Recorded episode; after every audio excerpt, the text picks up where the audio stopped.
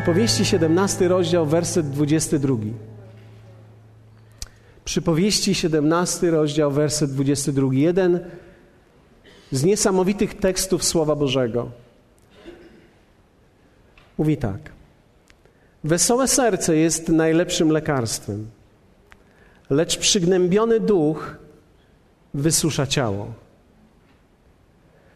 To słowo wesołe w hebrajskim to jest słowo semek, które oznacza uradowane, świąteczne albo radosne. Radosne serce w Starym Testamencie, kiedy mowa była o sercu wymiennie, możemy to dzisiaj rozumieć jako ducha bądź też duszę. Dla pewnych celów takich teologii rozdzielamy duszę i ducha, ale tak naprawdę mówimy dzisiaj o całym człowieku i chciałbym, żebyśmy przez chwilę pomyśleli o całym człowieku. O, każdy z nas w duchu i w duszy przeżywa rzeczy. W naszym umyśle, w naszych emocjach przeżywamy je. I chciałbym podzielić się z Wami, dzisiaj w zasadzie rozpoczynam to i mam nadzieję, że niektórzy z Was będą razem ze mną przez trzy tygodnie. Mam zamiar mówić o tym, jak żyć podniesionym duchem. Kiedy, kiedy dałem ten temat wczoraj wieczorem osobom, które zajmują się różnymi rzeczami w kościele, ponieważ potrzebowali temat na dzisiaj, większość z nich zadała mi pytanie, o co chodzi, ponieważ ja nie bardzo rozumiem. I pomyślałem sobie, to może jest zły temat, ale myślałem nad tym całą noc i to nie jest może aż do końca tak zły temat, jak nam się wydaje. Niezrozumiały być może na samym początku, ale wiecie, kiedy mówimy o podniesionym duchu, kiedy mówimy o podniesionym duchu człowieka, mówimy o tak naprawdę czymś, co jest częścią naszej duszy i z pewnością jest odbiciem naszego ducha, który jest zrodzony z Boga. Wierzę w to, że człowiek, który zrodzony jest z Boga, w swojej naturze Bożej jest pełen nadziei i pełen wiary. Wierzę w to, że nasz duch jest, będąc blisko Boga, jest ciągle jakby podniesiony. Ale z drugiej strony wiem, że każdy z nas żyje w tym obszarze duszy, naszego myślenia, naszych emocji, tego wszystkiego, co przeżywamy w życiu. I tak naprawdę wcale to nie jest aż tak proste, abyśmy żyli zawsze podniesionym duchem.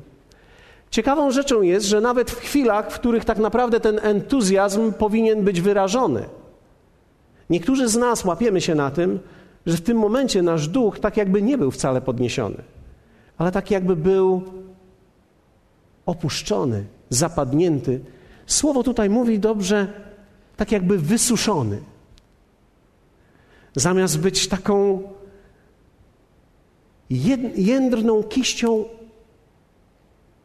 wspaniałych owoców, możemy być tak wysuszeni jak stara rodzynka. I mam nadzieję, że rozumiecie, o czym mówię, ale nawet w chwilach radosnych, myślę sobie teraz o takich chwilach jak na przykład Wigilia, kiedy wszyscy jakby z teorii wiedzą, że to jest moment, w którym powinniśmy się wszyscy cieszyć. Wielu ludzi w tych momentach przeżywa naprawdę dramat. Wielu ludzi nawet nie wie dlaczego czasami, w chwilach, gdy inni ludzie się radują, oni sami przeżywają tak jakby chwilę opadnięcia w sobie, tak jakby chwilę załamania. Czasami mówimy o pewnym rodzaju depresji.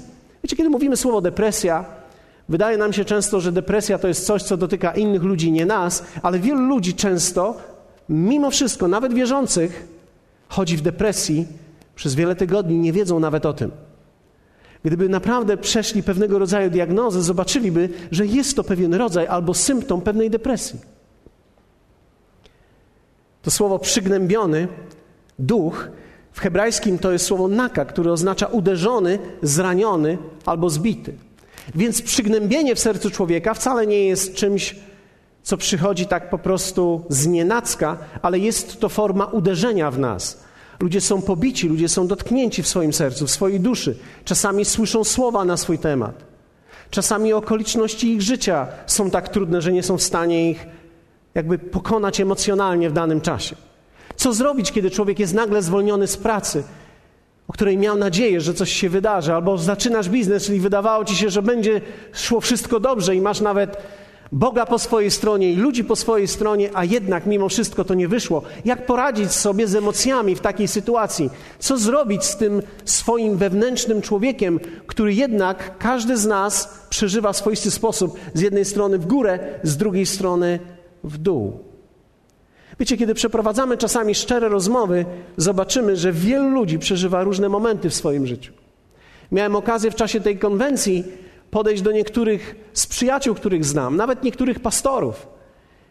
I kiedy podszedłem do jednego, było dla mnie znamienne, ponieważ wiem, że on darzy mnie sympatią, wie, że wspólnie razem modlimy się o siebie, wiem, że wspólnie razem sobie dopingujemy. I on powiedział do mnie takie słowa: Wiesz co, Paweł, ja naprawdę dziękuję Bogu za to, co Bóg robi tutaj w tym miejscu, ale muszę Ci powiedzieć, będę z Tobą szczery. Kiedy wracam do siebie, przez tydzień muszę pokonywać załamanie i depresję.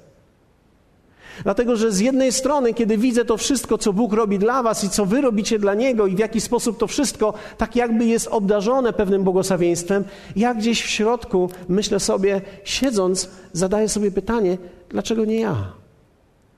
Dlaczego nie my? Dlaczego nie u nas? Więc zwróćcie uwagę, że nawet w gronie przyjaciół cieszyć się i radować czyimś zwycięstwem wcale nie jest aż takie proste. Muszę Wam powiedzieć, że czasami, kiedy jeździłem, szczególnie jeszcze w swoich wcześniejszych latach do Stanów Zjednoczonych albo do różnych miejsc, gdzie coś się działo, miałem podobne odczucia. Byłem na wielkich konferencjach, byłem na, we wspaniałych kościołach, widziałem wielu ludzi, jak.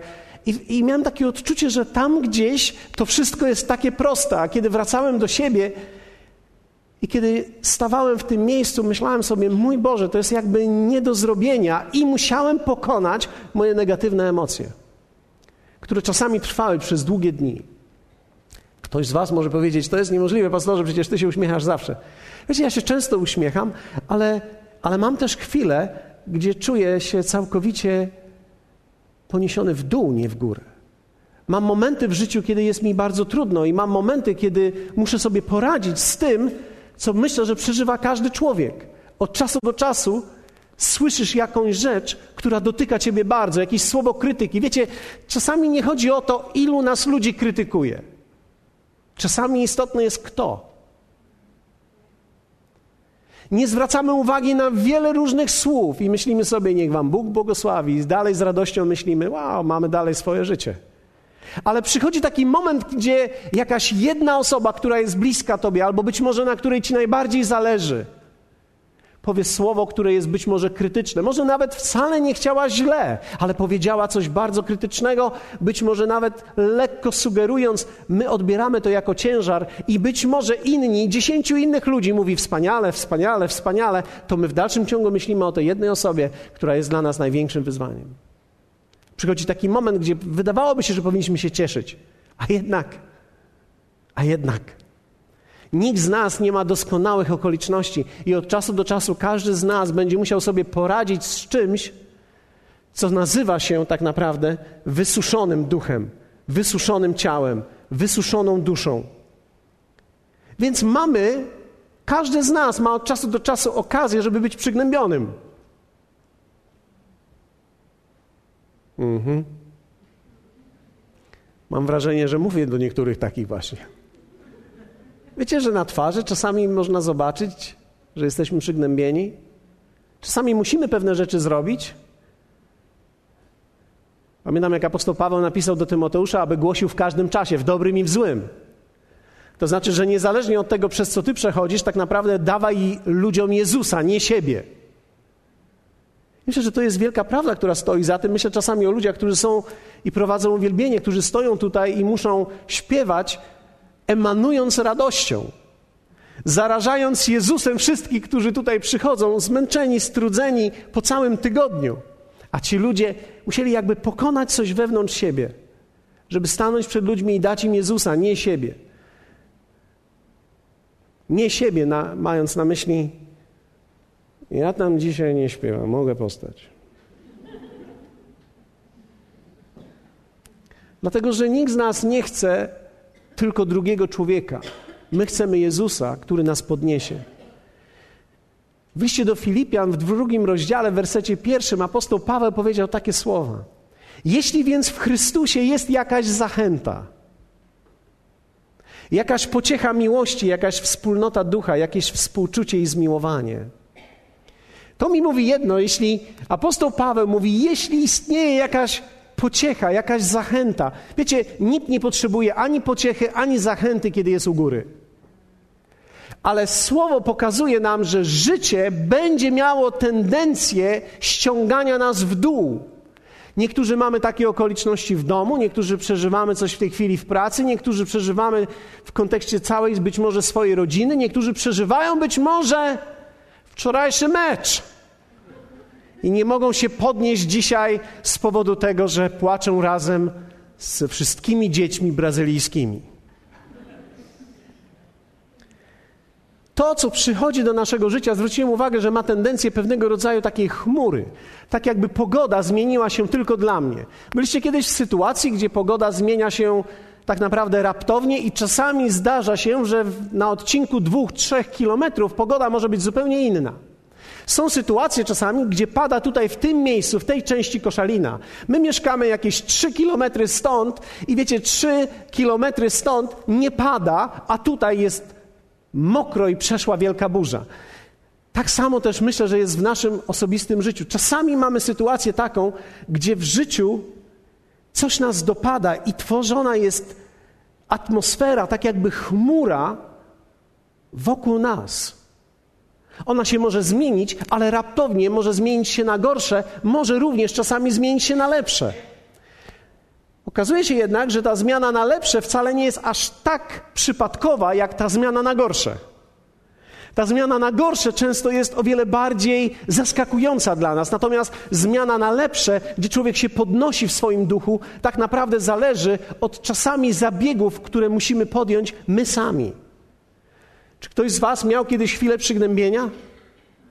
Niektórzy z Was mówią, dzisiaj jest taka chwila, pastorze, dzisiaj jestem w takim momencie. Wiecie, ja nie lekceważę, nie lekceważę takiego momentu i takiej grupy, jak jest tutaj, ponieważ prawdopodobnie w proporcjach, jakich się znajdujemy, jest dzisiaj między nami ktoś, kto przeżywa naprawdę trudny moment. I być może niektórzy z nas właśnie się cieszą i radują, ponieważ jesteś na wakacjach, to są Twoje wymarzone wakacje i nawet masz na nie pieniądze. A niektórzy być może są dzisiaj tutaj w tym miejscu i przeżywają swój trudny moment moment pewnego rodzaju przygnębienia. Oczywiście, że widziałem ludzi, którzy sobie dobrze radzą z takimi momentami, i zawsze zastanawiałem się, jak to jest, że oni sobie z tym radzą. Ponieważ istnieje taki, nazwę to, gatunek ludzi, którzy tak jakby ciągle są na górze. Znacie takich? Tak jakby ciągle wyglądają, jakby byli przynajmniej na górze. Może nie zawsze są, ale za każdym razem, kiedy my ich widzimy, są na górze. Przypowieści 15:15 15 mówią: Wszystkie dni uciśnionego są złe, lecz człowiek wesołego usposobienia ma ustawiczną ucztę. Czyli człowiek, który ma usposobienie radosne, ma ciągłą ucztę. Hebrajskie słowo mówi również bankiet. Jest tak jakby ciągle na bankiecie. I to jeszcze czyimś, nie swoim. Wiecie, bo na swoim bankiecie człowiek patrzy, ile oni jedzą, na, na cudzym bankiecie człowiek taką ma wolność, może coś sam skonsumować i ma pewnego rodzaju radość. Wszystkie dni uciśnionego, wiecie, to słowo uciśnionego w hebrajskim słowo to jest słowo człowieka, który przeżywa pewnego rodzaju depresję. Jest w złym humorze. Taki człowiek ma dni złe. To słowo oznacza mizerne, złe, pełne konfliktów, smutku i narastających problemów. To jest ciekawe, że człowiek, który jest w podniesionym duchu, gdy ma jakieś problemy, potrafi natychmiast jakby je rozwiązywać i tak jakby natychmiast jest właściwie do nich nastawiony, a człowiek, który jest przygnębiony i w pewnego rodzaju depresji, nawet małe rzeczy mogą wytrącić go całkowicie i on powie, no proszę bardzo, kolejna rzecz. Nie może być jeden smutek, musi być smutek za smutkiem.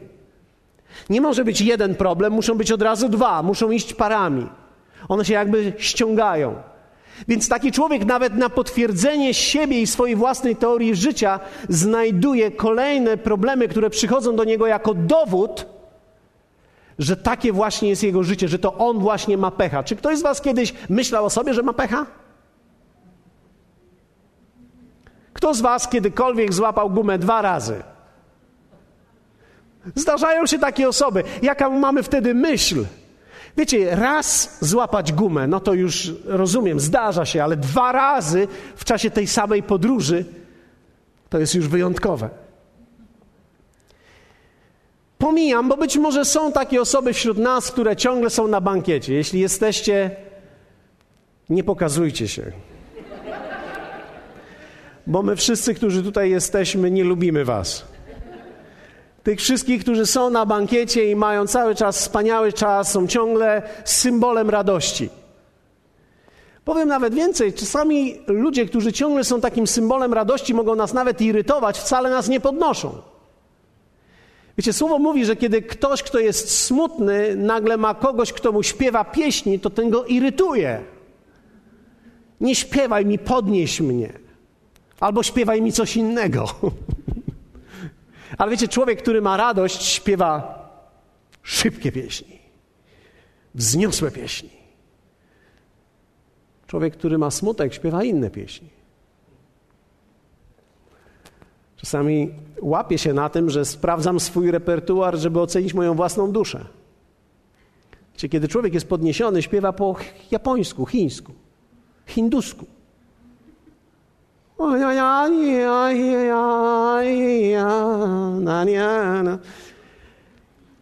A czasami człowiek śpiewa i wymyśla treść swoich piosenek. Oto ja jestem tu, Panie mój. Niech Twa ręka dotknie życia mego. Wiecie, ani, i, I te słowa, jeszcze tak sobie chwilę pośpiewam, to wszyscy naprawdę się zaraz poczujemy bardzo źle. Czasami sprawdzam, co śpiewam i czego słucham, żeby zobaczyć, jaki jest stan mojego serca i mojej duszy. Dlatego, że okazuje się, że przygnębienie, zniechęcenie, apatia, izolacja, smutek, brak energii, który się łączy razem z tym. Zwróćcie uwagę, że ludzie, którzy są na dole, im się nic nie chce. Im się nic nie chce wtedy. A może byśmy pograli w piłkę? Jaką piłkę? Może byśmy poszli na spacer? Jaki spacer? Ja podróżuję tu. Ja jestem daleko tutaj i nie chcę stamtąd wracać. Ja nie wiem, czy stamtąd w ogóle wrócę. Brak energii, brak chęci, brak werwy. To są symptomy też ducha i duszy człowieka, który jest przygnębiony, jest uciśniony, który nie wie, jak sobie nawet z tym poradzić. Zobaczyłem, że są, jest, wiecie, jest wiele przyczyn. Ja dzisiaj wybrałem tylko cztery przyczyny takiego stanu, który wiem na pewno, że dotykał mnie z pewnością i sprawdzam zawsze, czy to nie jest właśnie to. Cztery przyczyny takiego stanu. Jesteście gotowi? Mamy jeszcze parę minut. Zrobimy to w cztery minuty? Chodźcie, zrobimy to w cztery minuty. Jak zrobimy w cztery minuty, będziemy mieli więcej czasu na ciasto.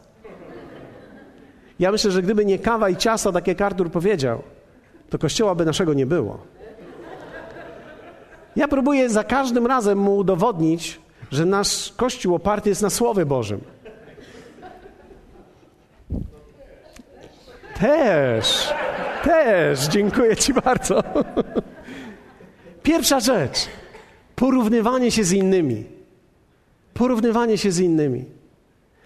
Wiecie, czasami prowadzimy, nie wiemy o tym, pewnego rodzaju cichą rywalizację w sercu. Z kimś. Nie ze wszystkimi, nie z całym światem, z kimś. Możemy prowadzić cichą rywalizację, niekoniecznie uświadomioną. Wiecie, że człowiek może rywalizować i nawet nie wie o tym, że rywalizuje? Kobiety mogą rywalizować o wygląd. Ona ma 46 lat i już ma tyle zmarszczek. Ja mam 47 i 8 i jeszcze nie jest tak ze mną źle. Okej. Okay. Czasami mogą rywalizować na ubiór, czasami mogą rywalizować na męża. Jest wiele cichej rywalizacji w życiu. Ludzie rywalizują o dobra, które posiadają. Ci mają taki dom, ci mają takie, a ja mam mieszkanie. Jestem gorszy, bo ja mam mieszkanie. Dlaczego miałbyś być gorszy? Dlatego, że masz mieszkanie. Wiecie, to jest wszystko w naszej głowie. Apostoł Paweł w liście do Koryntian w drugim rozdziale powiedział: Nie ośmielamy się bowiem zaliczać siebie do niektórych lub porównywać się z niektórymi spośród tych, którzy siebie samych zalecają. I w konsekwencji nazywa to głupotą. To jest niewłaściwe porównywać, porównywać się z innymi. To jest, nie ma gorszej rzeczy, jak ciągle prowadzić cichą rywalizację i z tego powodu czuć się źle. Dlatego, że zawsze znajdzie się ktoś, kto jest młodszy. Zawsze znajdzie się ktoś, kto jest zdolniejszy. Czasami, kiedy patrzę na ludzi, którzy mają jakiś dar, myślę sobie, mój Boże, jak to byłoby cudowne mieć taki dar. Czasami nawet mi się wydaje, że taki mam. Pamiętam któregoś dnia, kiedy przyjechał Mietek Szcześniak i znamy się z Mietkiem już parę lat i, i Mietek przyjechał do nas do domu i Mietek tak spojrzał na mnie i powiedział Paweł, wiesz co, ludzie mówią, że jesteśmy podobni do siebie. I tak stanęliśmy razem w moim domu przy lustrze i tak spojrzeliśmy na siebie i tak patrzymy, on na mnie, ja na niego w tym lustrze. On mówi, no, no tak, ja, ja trochę może powinienem schudnąć. No. Ale wiecie, o jednej rzeczy myślałem, nie o tym, jak wyglądamy, tylko myślałem sobie, mój Boże, jak to byłoby wspaniale tak śpiewać. I czasami słuchałem, jak robił wprawki różne. I on jest takim trochę jazzmenem. Ja nie potrafię tak śpiewać jak on w życiu, ale tak mi się wydaje czasami, jakbym mógł. I tak czasami jeżdżę samochodem i, i śpiewam mojej żonie. Całe życie czekam na ciebie. Kiedyś musisz przyjść, całe życie czekam, czekam! ja próbuję, czasami próbuję, czasami próbuję coś takiego zrobić, ale to nie wychodzi naprawdę. To nie ta skala, nie te treningi, nie to rozciąganie, nie, nie ta ilość suplementów gardłowych, nie ten rodzaj stworzenia tu. Być może mamy troszkę podobnego zarostu, gdybyśmy się tak przestrzygli. Być może nawet gdybym troszkę ja podjadł albo on zjechał, moglibyśmy startować razem w pewnej takiej fizjonomii, ale ta część tutaj jest zupełnie inna i kiedy on wydaje dźwięk, całe życie czekam na ciebie i kiedy ja zaśpiewam, całe życie czekam na ciebie, to on śpiewa lepiej, ale ma gorsze efekty. Niektórzy z Was wiedzą, o czym mówię. Mam nadzieję, że nie, nie obraziłby się. A może nas nawet słucha. Mój Boże, Mietek, przepraszam. Ale wiecie, każdy człowiek ma inną historię i mamy też różne sezony. Bóg działa w różnych sezonach. Ty masz swoistą historię, twój dom ma swoistą historię. Być może ty musiałeś wyjść z czegoś, z czego nie musiał wychodzić inny człowiek. Ktoś po prostu idzie szybciej w niektórych kwestiach, ale to wcale nie oznacza, że jest lepszy, to wcale nie oznacza, że ma lepiej w życiu, dlatego że w życiu nikt nie ma lepiej. Ja wiem, że to zagasło już parę lat temu, kiedy mówiłem o tym, ale w życiu nikt nie ma lepiej. Ja jeszcze nie spotkałem człowieka, który by nie miał rodzaju bólu w swoim życiu, niezależnie od tego, jak my postrzegamy go jako szczęśliwego. Wiecie, to co my nazywamy szczęściem w życiu drugiego człowieka, wcale to nie musi być szczęście w jego oczach. Czasami rozmawiałem z pastorem Robem Thompsonem i mówię, to, to jest naprawdę wspaniałe poczucie, prawda? Żeby mieć tyle pieniędzy. Pastor Rob Thompson został adoptowany przez Petera Danielsa i to sam fakt już tego stworzył majątek. I on mówi do mnie, wiesz, ilość pieniędzy, kiedy jest już tak duża, to przestajesz myśleć, co możesz z tym zrobi zrobić dla siebie, zaczynasz myśleć, dlaczego Bóg ci to dał i w jaki sposób właściwie powinieneś dać to innym. I ten ciężar odpowiedzialności jest o wiele większy niż ta radość z posiadania.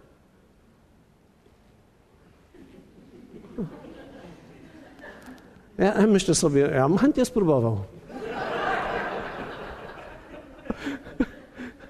Ale nigdy nie będziesz tego wiedział, dopóki nie przejdziesz przez to. Dlatego wierzę w to, że w Bogu jest coś tak niesamowitego, że powinniśmy doceniać nasze własne życie. cieszyć się i być wdzięcznymi za to miejsce, w którym dzisiaj jesteśmy. Nie jako miejsce docelowe, ponieważ nie chcemy zatrzymać się w tym miejscu, ale mój Boże, nie porównujmy się. Wiecie, ja zmęczyłem się w niektórych kwestiach swojego życia, dlatego że porównywałem się. Szkoda, że u nas nie jest tak jak w Chinach, szkoda, że u nas nie jest tak jak w Afryce, szkoda, że u nas nie jest tak jak w Ameryce, szkoda, że u nas nie jest tak jak, jak gdzieś na wschodzie w Rosji. Wiecie, i okazuje się, że dopóki człowiek nie zaakceptuje swojej historii, swojej ziemi, miejsca, w którym jest, nigdy nie będzie szczęśliwy, nigdy nie podejmie tego jako pewnego Bożego powołania i wyzwania i nigdy nie będzie czuł, że tak naprawdę robi to, do czego został powołany. Wierzę w to, że to jest Boża wola, abyśmy tutaj w tym miejscu byli. I w dniu, w którym sobie to uświadomiłem, musiałem pilnować siebie, żeby nie porównywać się z innymi.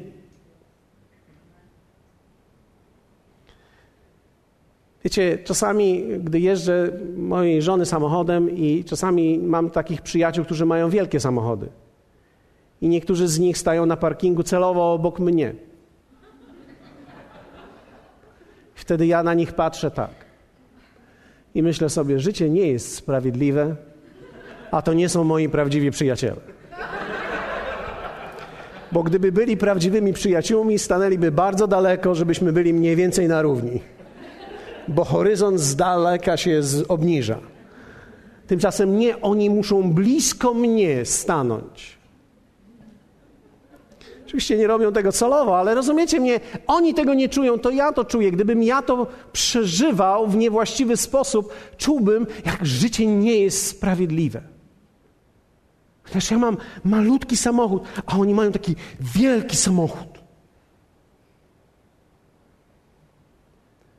Jak długo człowiek może się porównywać z innymi i się nie zmęczyć? Człowiek może przeżywać swoje życie, ciągle się porównywać, a ci mają już to, a ci mają tamto, a ci teraz robią to. I w, wiecie, w obszarze chrześcijaństwa, w obszarze pastorów, to jest również nasz dylemat, ponieważ my porównujemy kościoły ze sobą, a ilu macie ludzi, a teraz ilu do was przychodzi, a teraz ile macie krzeseł, a sprawdzamy, a dokładnie liczymy te krzesła, ile tych krzeseł jest, żeby być dokładnie uświadomionym, jak to wszystko wygląda. Ale tak naprawdę nie chodzi o to, wiecie, ilu ludzi z nami umrze, ale na ilu ludzi tak naprawdę mamy wpływ, żeby nie umarło.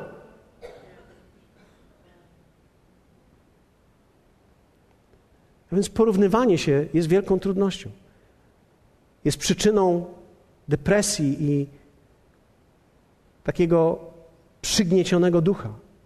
Drugie, brak widzenia efektów. Wiecie, czasami robimy rzeczy dobre i nie widzimy efektów. Niektórzy ludzie męczą się czasami, robiąc rzeczy dobre i nie widzą po latach żadnych efektów. Ale wiecie, czynienie dobra nie jest tylko i wyłącznie związane z efektami, ale jest wynikiem tego, kim On nas uczynił. A więc ja nie robię dobrze tylko dlatego, żeby widzieć efekty, czynię dobro dlatego, że On uczynił mnie na swój obraz i podobieństwo, więc inaczej czynić nie mogę. Nawet jeśli w danym momencie nie widzę żadnych efektów, ale kiedy człowiek przez długi czas nie widzi efektów, może być przygnębiony, może być załamany. Dlatego apostoł Paweł w liście do Galacjan powiedział: A czynić dobrze nie ustawajmy. Powiedzmy razem: nie ustawajmy. Dlaczego? Ponieważ człowiek ma tendencję do ustawania nawet w czynieniu dobrze, gdy nie widzi efektów w swoim własnym życiu od razu. I myślę, że tak jest, że tak naprawdę czynienie dobrze, czynienie pewnego dobra nie może być tylko i wyłącznie związane z efektami, które chcemy widzieć w swoim życiu, ale przede wszystkim jako efekt tego, że On nas takimi uczynił i inaczej nie możemy. Jeśli mam być uprzejmy dla mojej żony tylko wtedy, kiedy będę coś od niej chciał, to jak wielu z Was wie o tym, że ona się po pewnym czasie zorientuje, że to jest gra i że to jest kwestia tylko i wyłącznie pewnego handlu między nami. A człowiek nie chce ciągle handlować. Człowiek ciągle chce czuć się w domu, doceniony. To jest nasza wewnętrzna, głęboka potrzeba.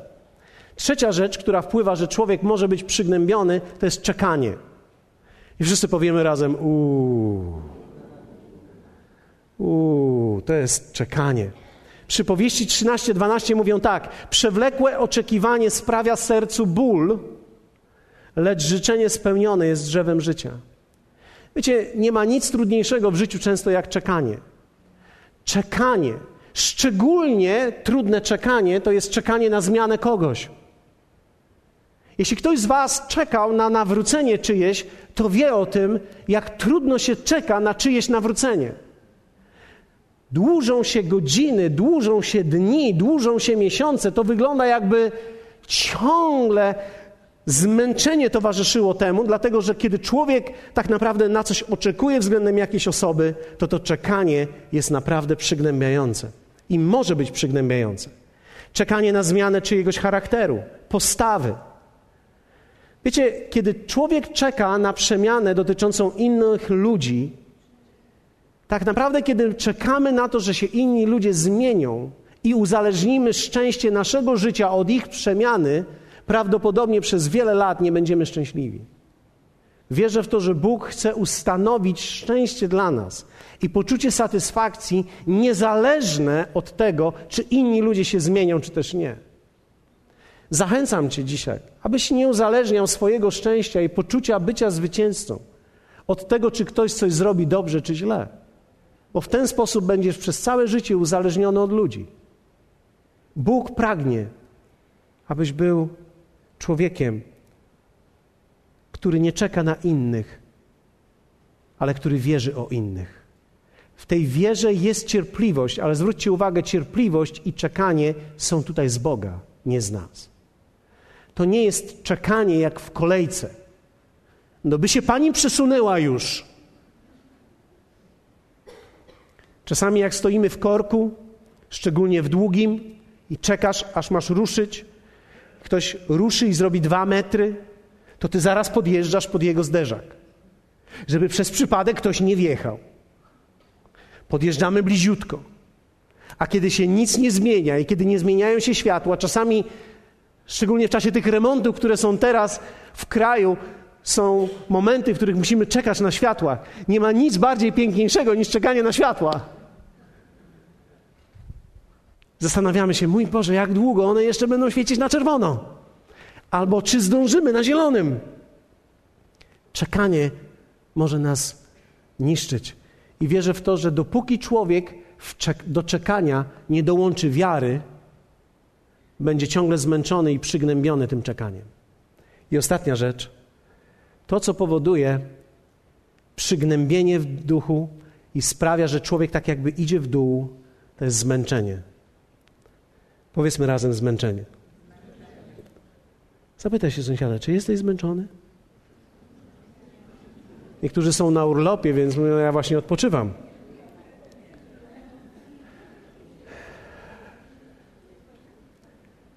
Jedna, jeden z lekarzy, kobieta profesor Leaf, która prowadziła ostatnio badania na temat mózgu, szczególnie męskiego.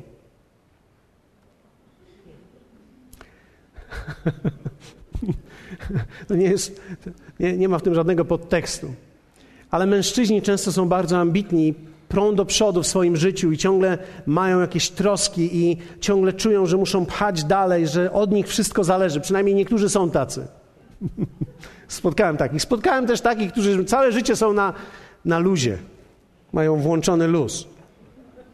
Jak żona mówi, no pojechałbyś gdzieś, to oni włączają, przyciskają pedał gazu, nie włączają żadnego biegu, tylko chcą jej pokazać, że silnik dalej chodzi. Czego chcę? Uspokój się, kobieto!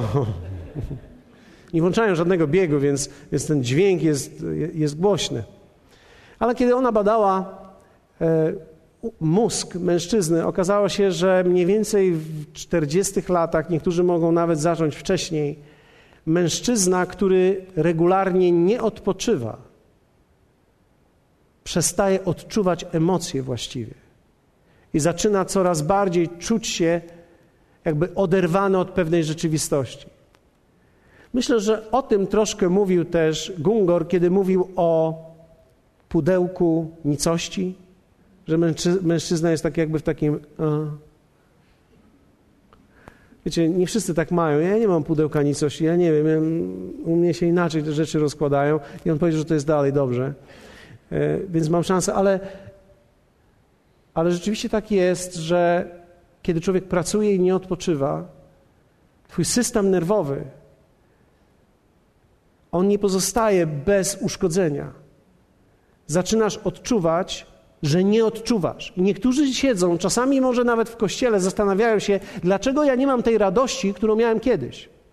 Dlaczego rzeczy nie biorą mnie tak, jak brały mnie kiedyś? Dlaczego ja nie odczuwam tak bardzo tych wszystkich rzeczy, jak kiedyś wcześniej odczuwałem? I jedną z przyczyn może być właśnie to, że nie potrafisz regularnie odpoczywać, i kiedy regularnie nie odpoczywasz, Twoje emocje zaczynają stygnąć. Wiecie, kiedy człowiek jest zmęczony, jest przygnębiony. W pierwszej Mojżeszowej 25-29 czytamy taki tekst. Pewnego razu przyrządził Jakub potrawę, a Ezaf przyszedł zmęczony z pola. Ezaf był tak zmęczony i ze zmęczenia powiedział: Oddaję ci pierworództwo. On nie był leniwy, on był zmęczony. I z powodu zmęczenia nie potrafił oszacować i ocenić, co tak naprawdę robi że zamienia swoją przyszłość na to, co jest chwilową ulgą. Wiecie, kiedy człowiek jest zmęczony, nie powinien podejmować żadnych, absolutnie żadnych ważnych decyzji w swoim życiu. Najpierw musisz się oderwać i odpocząć, żeby poczuć, czym to naprawdę jest. Ludzie podejmują czasami w kryzysach i w zmęczeniu bardzo ważne życiowe decyzje, które kosztują ich później całe życie. Widzimy bardzo często w słowie, że zmęczenie było przyczyną złej kalkulacji człowieka, niewłaściwych decyzji, które kosztowały ich całe życie. A słowo Wizajasza mówi tak: Bóg zmęczonemu daje siłę, a bezsilnemu moc w obfitości. Młodzieńcy ustają i mdleją, a pacholęta potykają się i upadają, lecz ci, powiedzmy razem ci, którzy ufają Panu, nabierają siły, wzbierają, wzbijają się w górę na skrzydłach jak orły, biegną, a nie mdleją, idą, a nie ustają. Tak naprawdę to jest fragment o tym, że to są ludzie, którzy potrafią żyć podniesionym duchem. Ludzie, którzy ufają Jemu, którzy odpoczywają w swoim zmęczeniu. I wiecie, okazuje się, że prawdziwy odpoczynek to nie jest tylko leżenie na hamaku, ale to jest umiejętność zaufania Bogu. Kiedy człowiek leży, a nie ufa, to się dalej męczy. Kiedy człowiek leży i ufa, nawet gdy jedziesz na rowerze, nie musisz wcale leżeć.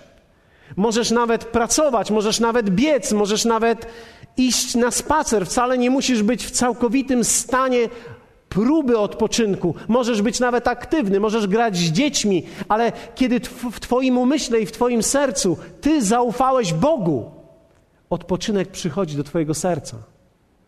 Dlatego, że odpocznienie i odpoczynek związany jest z zaufaniem. I dzisiaj chciałbym zachęcić Was wszystkich. Jeśli mieścisz się w którejkolwiek z tych kategorii, Duch Święty jest tutaj. Wiecie, Biblia nazywa go pocieszycielem. On przychodzi, aby nas zachęcić. On przychodzi, aby dać nam instrukcje. Dzisiaj być może niektórzy z Was jesteście w takim miejscu zmęczenia, być może jesteście zmęczeni porównywaniem się z innymi.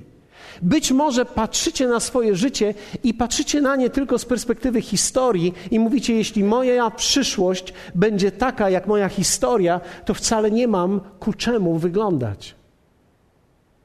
Ale wiecie, historia człowieka to jest jedna rzecz, a przyszłość możemy oddać Panu. I On podniesie Twojego ducha, abyś mógł spojrzeć w swoją przyszłość, tak jak On widzi. Wiecie, Bóg wiele mówi o przeszłości, ale też wiele mówi o przyszłości naszej. I jedną z rzeczy, którą mówi o naszej przyszłości, jest to, że On ją zna. I zna przyszłość, którą On dla nas przygotował. Myślę, że w takiej sytuacji są dwie przyszłości dla każdego człowieka. Przyszłość, którą człowiek sam wybiera i przyszłość, którą wybieramy, którą On ma dla nas. I Ty możesz zdecydować, w którą stronę pójdziesz. Czy pójdziesz w przyszłość, którą On przygotował dla Ciebie, czy wybierzesz przyszłość swoją własną, przypadkową, związaną z emocjami Twojego życia.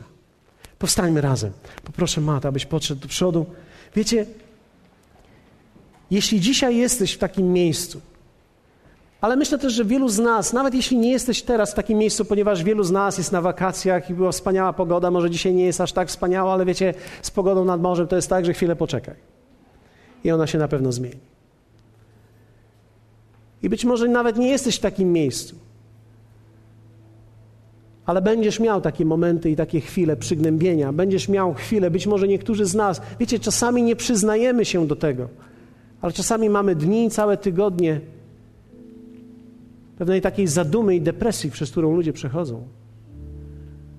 Być może nawet nikt nie wie o tym, tylko ty sam. Być może ludzie postrzegają ciebie jako osobę, która jest ciągle podniesiona, a twoja żona, twój mąż widzą ciebie jako osobę, która się zmaga w swoim domu, która nie chce z nikim rozmawiać, która się usuwa, która się izoluje. Bóg ma odpowiedź dla ciebie dzisiaj. Być może niektórzy z Was prowadzą taki rodzaj rywalizacji z kimś. Każdy ambitny człowiek ma tendencję do rywalizowania. Czasami w domu, w rodzinie rywalizujemy. Czasami ta rywalizacja jest, może być okrutna.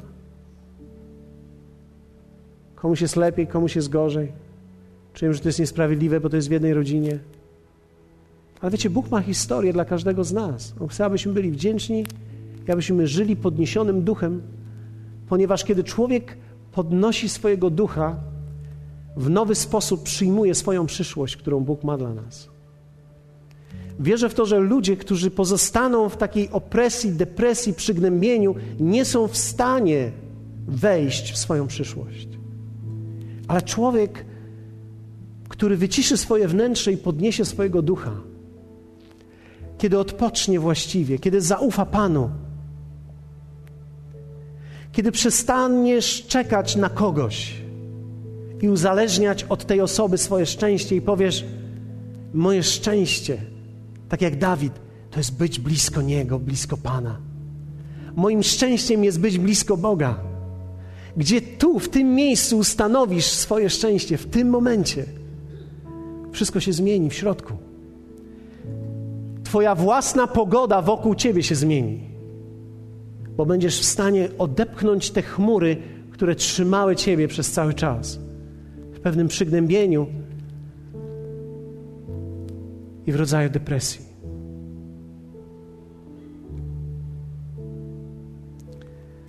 Pozwólmy, aby Duch Święty dotykał serc dzisiaj ludzi tutaj.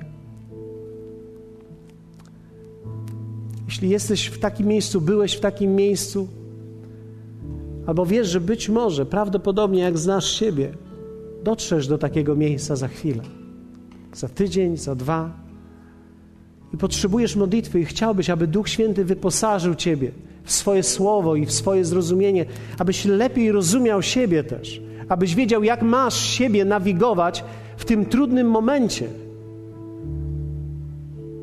Chciałbym, żebyś na moment tylko podniósł swoją dłoń i powiedział, pastorze, ja będę potrzebował tej modlitwy. Ja nie chcę wyciągać Ciebie do przodu, ale chciałbym modlić się o tych ludzi, którzy będą potrzebowali tego. Jeśli chciałbym zobaczyć Ciebie. Dziękuję. Dziękuję za te dłonie. Muszę powiedzieć Wam, że od czasu do czasu sam zmagałem się z tym i myślę, że od czasu do czasu zmagam się z tym. Nie chciałbym dzisiaj lekceważyć tego, bo zdaję sobie sprawę z tego, jak bardzo poważne to jest.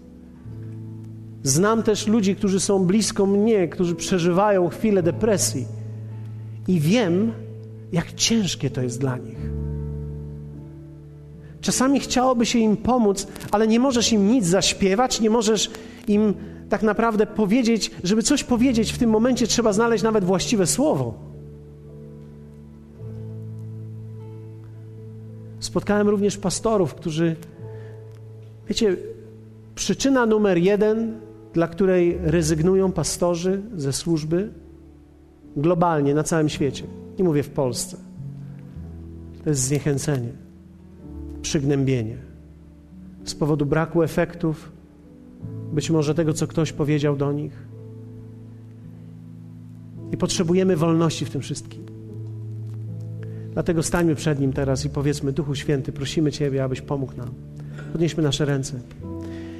Nawet jeśli nie, podnios, nie podnosiłeś rąk wcześniej, chciałbym, abyś modlił się o Kościół, o ludzi, których znasz. Być może masz kogoś, kto jest blisko Ciebie, kto przeżywa takie momenty i takie chwile. Chciałbym, żebyś modlił się. Czasami w momentach zwycięskich są ludzie, którzy przeżywają coś trudnego. Dlatego teraz, Duchu Święty, wspieramy ich. Prosimy Ciebie, abyś przyszedł na to miejsce w szczególny sposób. Abyś tchnął swoim duchem, aby Twoja siła i Twoja moc, aby ta siła, która przychodzi od Ciebie, dotknęła serc i duszy tych, którzy tego potrzebują dzisiaj. Proszę Ciebie, Duchu Święty, abyś dotknął naszych bliskich, abyś dotknął naszych kościołów, aby ten podniesiony duch był naturą Kościoła, naturą wierzących. Prosimy Ciebie, abyś nauczył nas życia w tym podniesionym duchem, że nawet kiedy przyjdą trudne momenty, informacje, okoliczności, będziemy w stanie szybko podnieść się z tego. Nie pozostaniemy w dniach i w tygodniach, w miesiącach i w latach izolacji, ale wyjdziemy z tego szybko. Podniesiemy się, będziemy wzbijali się na skrzydłach jak orły. Dziękuję Ci, Duchu Święty, za to, że Ty mówisz, że tacy ludzie biegną, nie mdleją, idą, a nie ustają, są ciągle aktywni w swojej wierze, aktywni w swoim życiu. Dziękujemy Ci za to, że Ty jesteś Bogiem, który podnosi, że Ty jesteś Bogiem, który podnosi każdego człowieka.